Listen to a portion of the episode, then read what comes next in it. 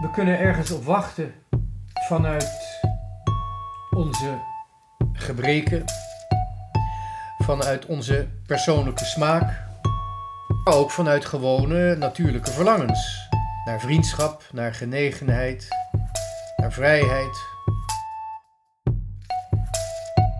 In deze podcast gaat Pater Elias op zoek naar wat echt is. Hij gaat de uitdaging aan om een zo helder mogelijk beeld te vormen van hoe de wereld in elkaar steekt. Dit is de Pater Podcast.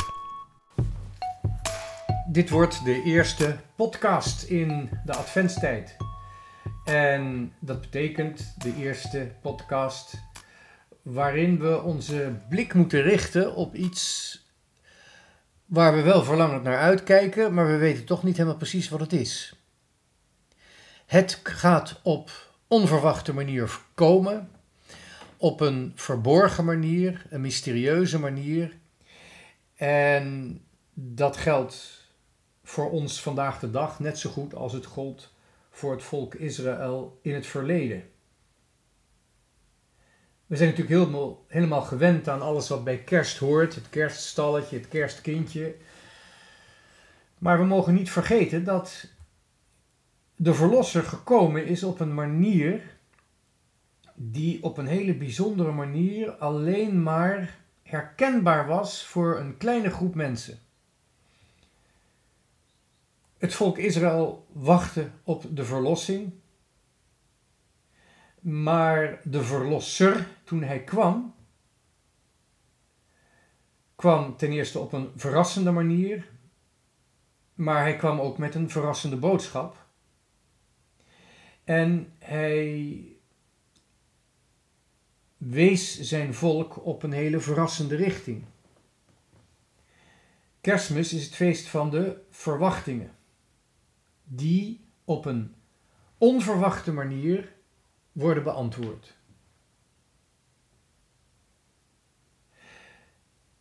We kunnen ergens op wachten vanuit onze gebreken, vanuit onze persoonlijke smaak, vanuit ja, onze noodtoestand in deze wereld, onze sterfelijkheid, maar ook vanuit gewone natuurlijke verlangens. Naar vriendschap, naar genegenheid, naar vrijheid. Er zijn een heleboel menselijke verlangens die menselijke verwachtingen kweken, die menselijke verwachtingen veroorzaken. Hoe is het dan mogelijk dat de Verlosser op zo'n verrassende manier niet alleen aan verwachtingen voldoet, maar op zo'n manier eraan voldoet dat we misschien in de eerste instantie een beetje teleurgesteld zijn of gewoon de komst van de Verlosser missen, zoals zoveel in de tijd van Christus het niet begrepen hebben er door, verwarring, in, door in verwarring zijn gebracht of het zelfs gewoon helemaal gemist hebben.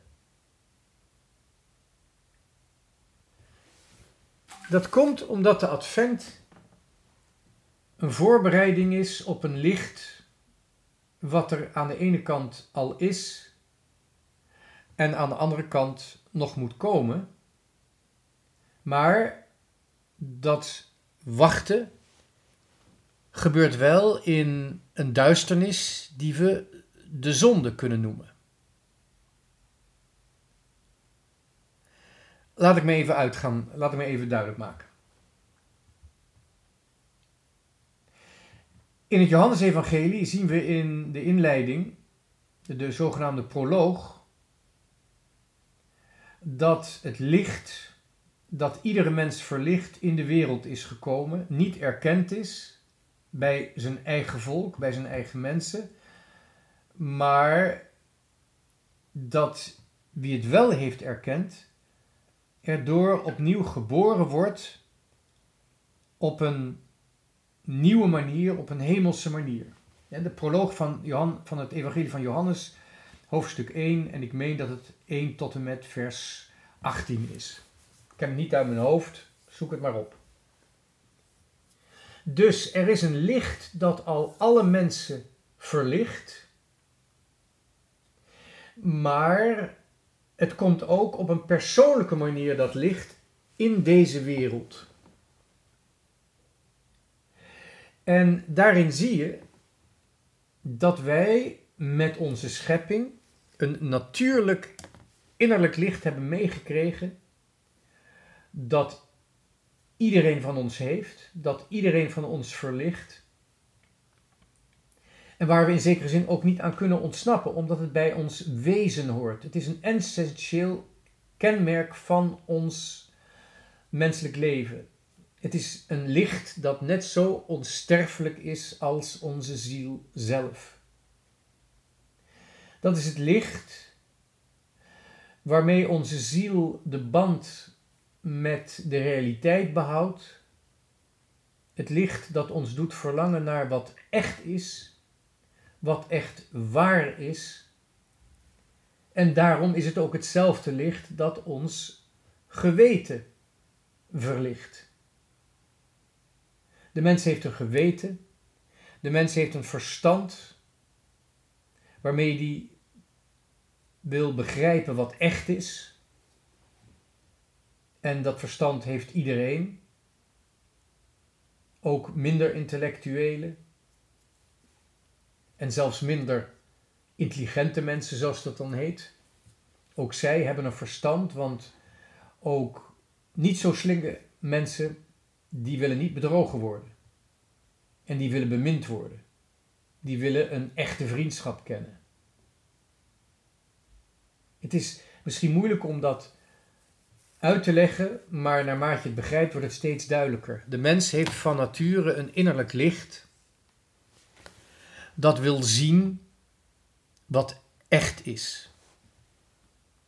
Een licht dat onze ziel verlicht, zodat de ziel in waarheid kan leven, waarheid kan kennen in zijn eigen leven en een unieke persoonlijke band met de realiteit hebben. Dat is dat innerlijk licht dat onze ziel met de schepping heeft meegekregen.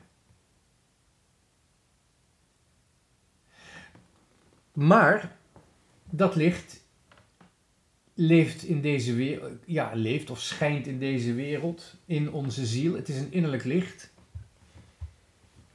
Maar we hebben om werkelijk te begrijpen wat er buiten onze wereld is, hebben we ook een verlangen nodig naar iets dat hoger is dan deze wereld. En ook dat licht is in onze ziel. Met andere woorden, onze ziel is van nature religieus. Van nature kan dat innerlijke licht in onze ziel kan ontdekken dat deze wereld niet volledig is. En dat wij maar een klein stukje zijn in een wereld die wij nooit volkomen zullen begrijpen. In onze ziel, omdat dat licht schijnt, kunnen wij begrijpen dat dit leven in deze wereld niet alles kan zijn. Dat ons leven tijdelijk is. En als we geen aandacht besteden aan wat verder is en hoger en volmaakter dan deze bewegende wereld, dat we dan eigenlijk in een afgrond vallen. Een afgrond die bodemloos is.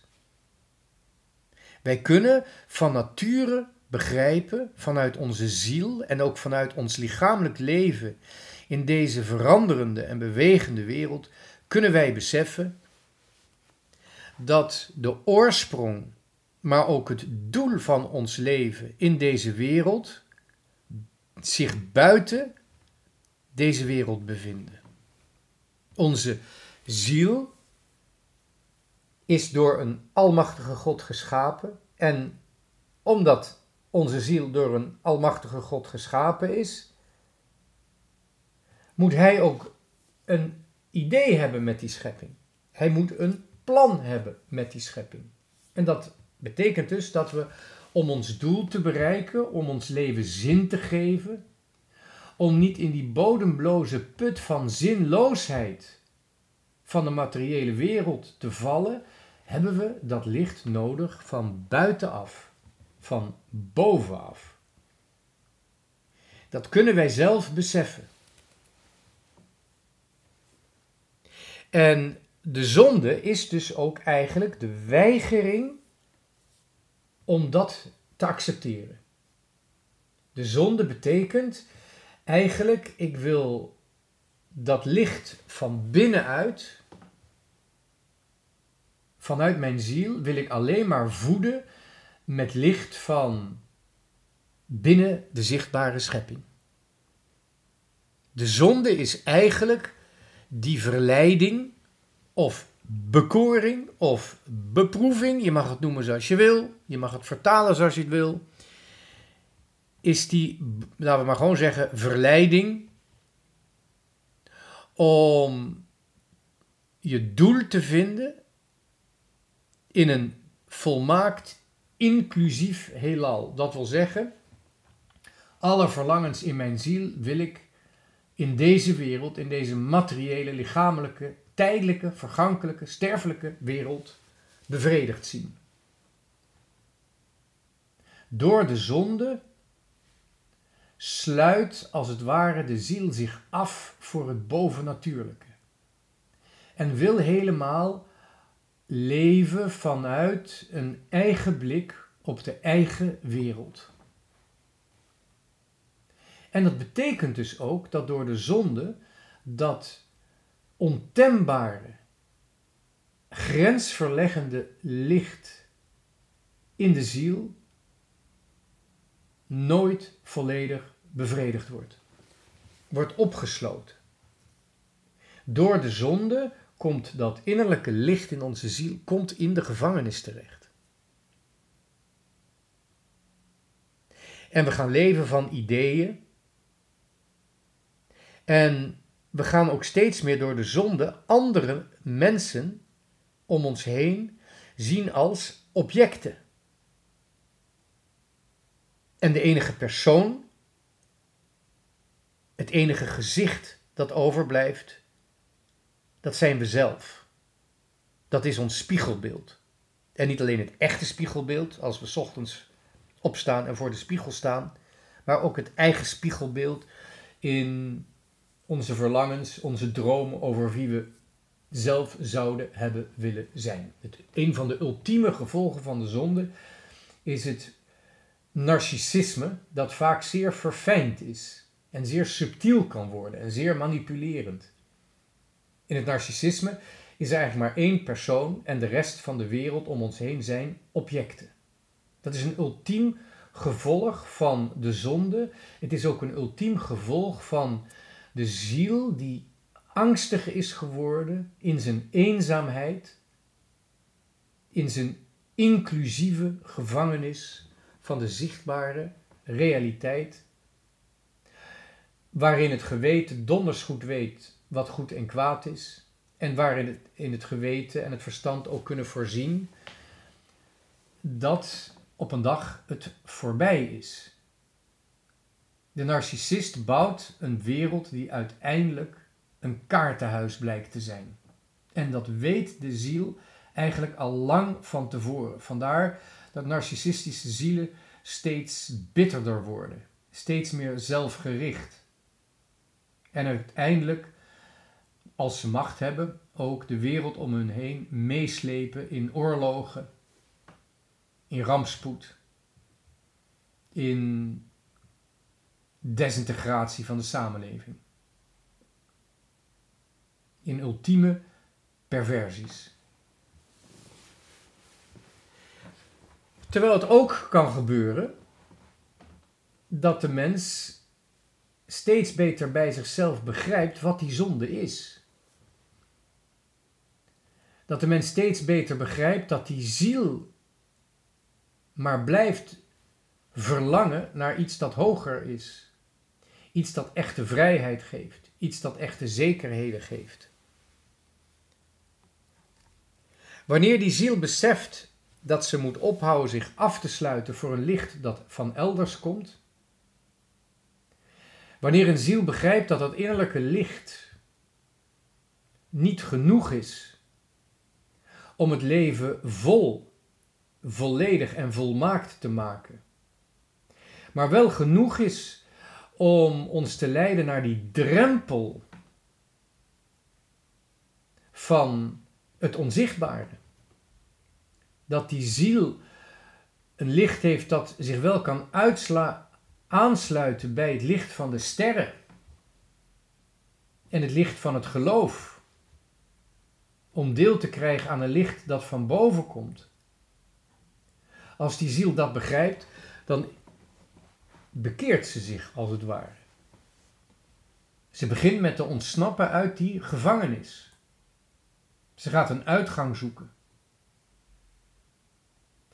En wanneer die ziel op zo'n manier op weg is naar de bekering en open staat voor een licht dat van elders komt, dan hebben we dus die adventsverwachting.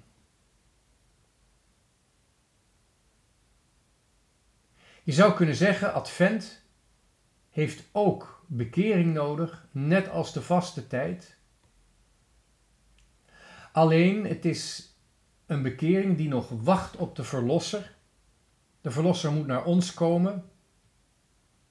Terwijl we in de vaste tijd die Verlosser al persoonlijk kennen en hem hebben gekozen en met hem meegaan.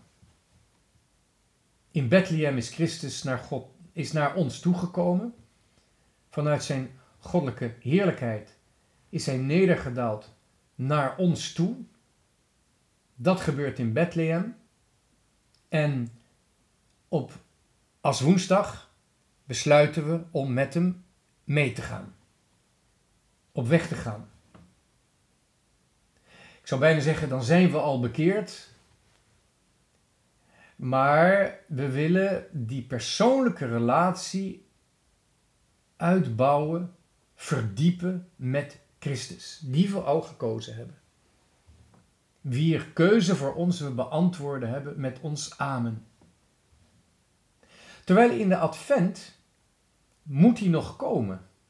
En daarom is het ook goed om in de advent de nadruk te leggen op de verrassing.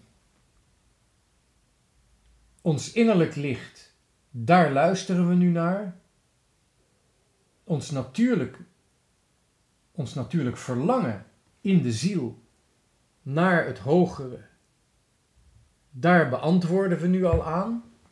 We bekeren ons, we keren ons af van een valse, valse visie, van een duisternis. En we willen verlangen naar het licht en we luisteren al naar het innerlijk licht. Maar het licht van boven moet nog komen en het komt op een verrassende manier. De manier waarop de goddelijke persoon zich heeft geopenbaard in Christus, in de Verlosser, in de Heiland, eigenlijk vanaf het begin af aan kunnen we al vermoeden dat er iets heel bijzonders aan de hand is. We zien het gezicht van God, maar dat gezicht, het gezicht van God, dat Jozef voor het eerst gezien heeft, dat gezicht blijkt gericht te willen zijn op een ander gezicht. Een ander gezicht in de ogen te willen zien.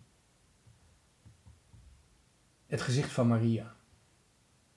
God heeft een schepsel gekozen om moeder te zijn voor hem. Maria is de moeder van God. En die benaming is door de kerk bevestigd in de vijfde eeuw al. Dus dat is heel lang geleden. En er is dus eigenlijk geen enkele christelijke kerk die nu bestaat, inclusief de protestantse kerken, geen enkele kerk die nu bestaat, die die term moeder van God zou moeten veronachtzamen. Iedere christelijke kerk zou zich moeten afvragen wat dat betekent dat de eerste christenen dat wil zeggen al in de vijfde eeuw levende christenen, die titel, die eretitel van Maria hebben bevestigd. Maria, de moeder van God. Degene die de bron is, de persoonlijke eeuwige bron van alle gaven, heeft alles willen ontvangen. Het begin van de openbaring van het geven is in het ontvangen. Wat zouden we dat is moeten gebruiken, dat gegeven moeten gebruiken bij de vernieuwing en de verfrissing van onze naaste liefde? We beginnen niet met te geven omdat wij beter zijn of rijker. Nee, we beginnen met de ander te ontvangen. Omdat we allereerst de armoede in onze eigen ziel willen ontdekken. Hoe rijk, hoe begaafd, hoe talentvol en hoe goed christelijk, christelijk of christelijk we ook zijn. Eerst van de ander ontvangen. En dan pas kunnen wij geven. Dat is geen vroom geklets. Dat is gewoon wat Christus ook heeft gedaan. En degenen die Christus hebben gevolgd, die hebben steeds meer ontdekt dat Christus leeft vanuit een bron. Christus ziet iemand die wij niet konden zien. De Hemelse Vader.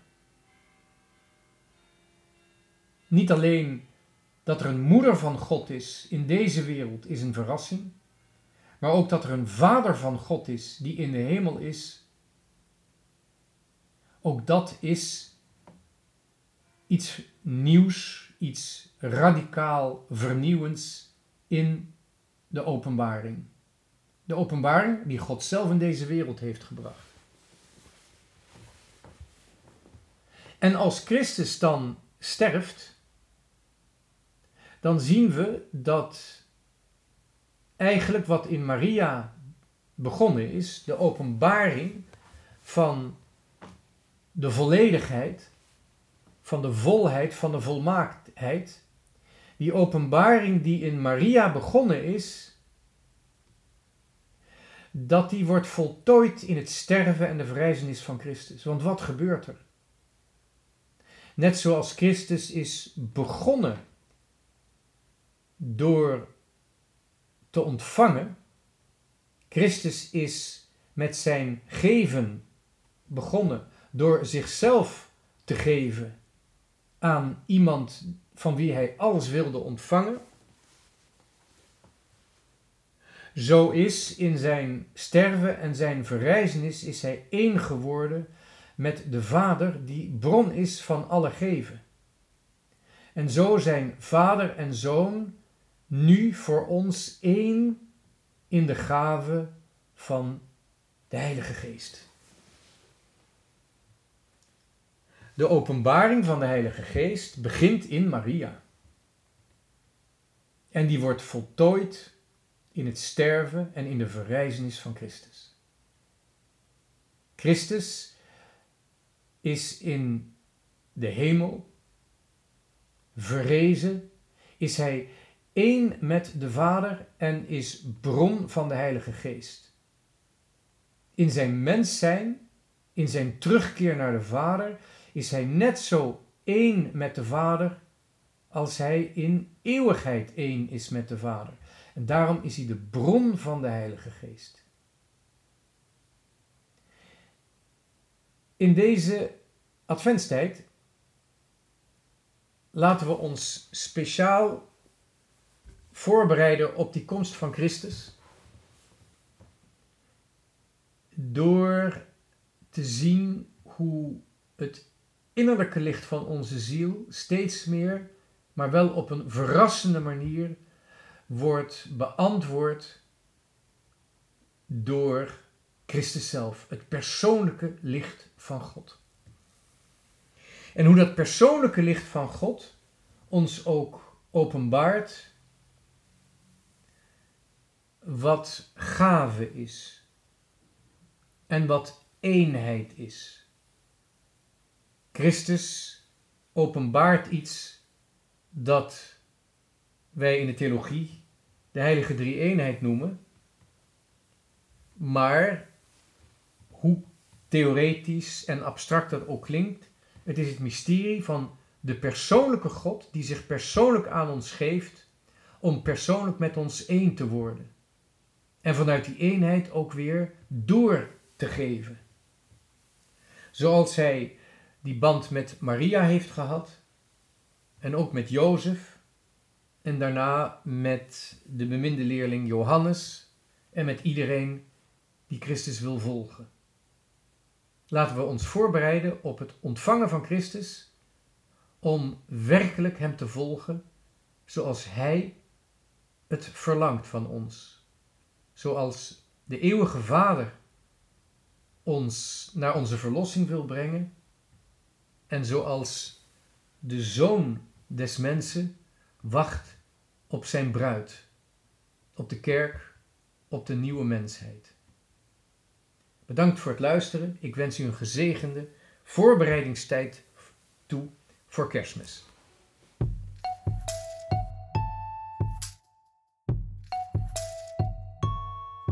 Dit was de Radio Maria Pater Podcast met Pater Elias. Deze podcast is online terug te luisteren via de website van Radio Maria en andere podcastplatforms.